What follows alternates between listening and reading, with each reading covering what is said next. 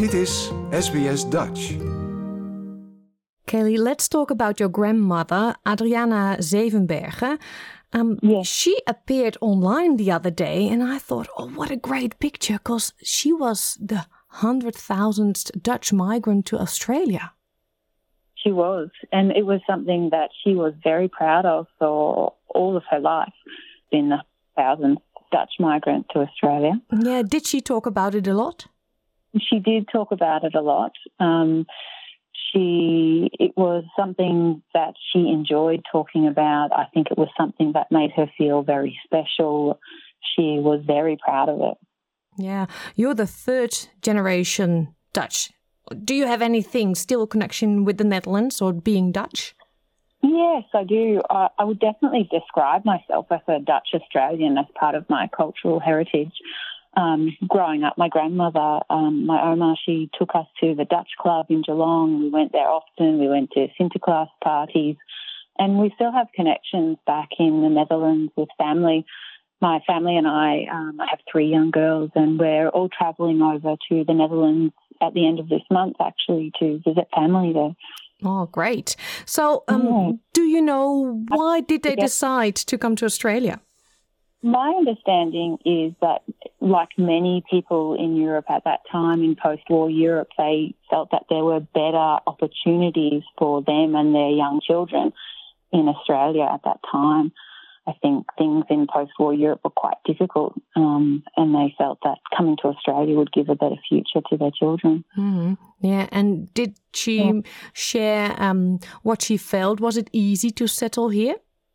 I don't know. I think she didn't share a lot about that, but she was very um, tied to the local Dutch community. So she, a lot of her friends in Australia were other Dutch migrants, and they would get together and play games, and particularly play rummy and a lot of those kind of games. They would get together and play and speak Dutch, and so as children, we were exposed to a lot of that. They would all be sitting around speaking Dutch. So it was a strong Dutch community in Geelong that she was part of.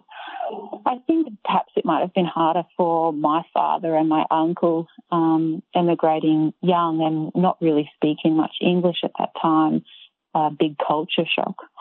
Hmm, yeah. Did she pass on the Dutch language, or is she a classic Dutch migrant who thought, oh, we have to adapt to this country and be invisible migrants and speak English with our kids? No, she, they, as, as far as I know, before I was born, when my father was still young, they spoke a lot of Dutch at home. So it was Dutch at home and English in the community. And when I was a child, she often spoke a little bit of Dutch around us. But I think it was my father then, that first generation um, of people in Australia wanting to be more assimilated with Australian culture. So I think we spoke less Dutch because of my father's hopes for us to be Australian rather than Dutch. Hmm, hmm. And and he married an Australian woman. Yeah, he did. Um, my mother tried more so, I think, to expose us a little bit to Dutch, and she learned to speak a bit of Dutch. And so, as children around the table, we would always say "eet smakelijk" before eating. Um, so we had a little bit of Dutch culture in our lives. Um, yeah, Yeah. So back to your Oma. She arrived when in Australia?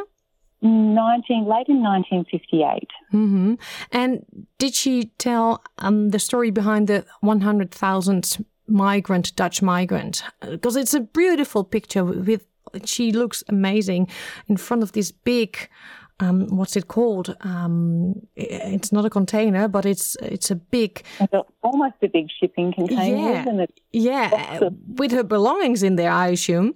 Mm, I, I I think all of the belongings are in there.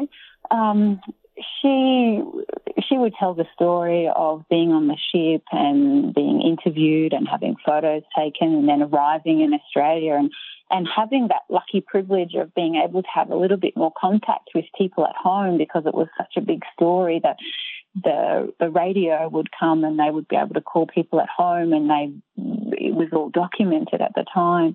Um, so I think it made their lives a little bit easier coming to Australia than perhaps it might have been for other migrants. Yeah, because um, I think nowadays we all know she wasn't really the 100,000 uh, Dutch mm. migrant, mm. but she was chosen. She fitted the, the, the perfect picture.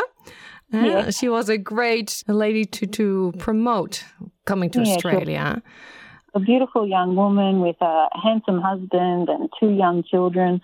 Um, and I think it, it it was a beautiful picture to try to encourage more people to migrate to Australia at the time. Yeah, so she mm. was used for commercial purposes. Actually, mm, let's let's call it like that, right? Uh, but but did she get did she get anything else out of that, like privilege uh, or a, a better house or anything? I, I, do believe so. I think they never had to live in migrant um, in the migrant community. They they had a house, a, a lovely home on the river in Geelong. Um, I think they got a whole lot of extra furniture items and extra gifts and things as part of that privilege. That yeah. did make their lives a lot easier settling mm. into a country. Yeah, I can imagine. Well, I can imagine that she was very proud because it's a, it's a beautiful picture, and um, yeah, it's a great memory for you, for your family. Yeah, beautiful memory for us and our family, and to think about how proud she was of that. we have such a collection of images that were taken at the time. Um, because it was so well documented. Um, there are so many beautiful pictures of her and my grandfather and um, my father and my uncle as well. Mm-hmm. They both passed away, unfortunately. Yeah, they did. My opa, he died quite suddenly in 1983. Um, he had a, a heart attack. Um, and my oma kept living in Geelong in the same house, and she passed away in 2006. Mm-hmm. Did she have mm. um, a, a, happy life here in Australia? Yeah, I think she did. I think um, I think it was difficult for her after my opa passed away. Um, but the family did keep growing at that point in time. My dad um, had more children, and my uncle had children, and they had a third son who was born in Australia, and he had children too. So she had a lot of family around her. Um, but I think it was hard for her after my opa passed. Yeah, can imagine that. Thank you so much, Kelly, for sharing this amazing story. Oh, it's my pleasure. I, I enjoy talking about it. It helps to keep the memory alive of uh, of how much pride and joy she got out of that experience. Like, deel, geef je reactie. Volg SBS Dutch op Facebook.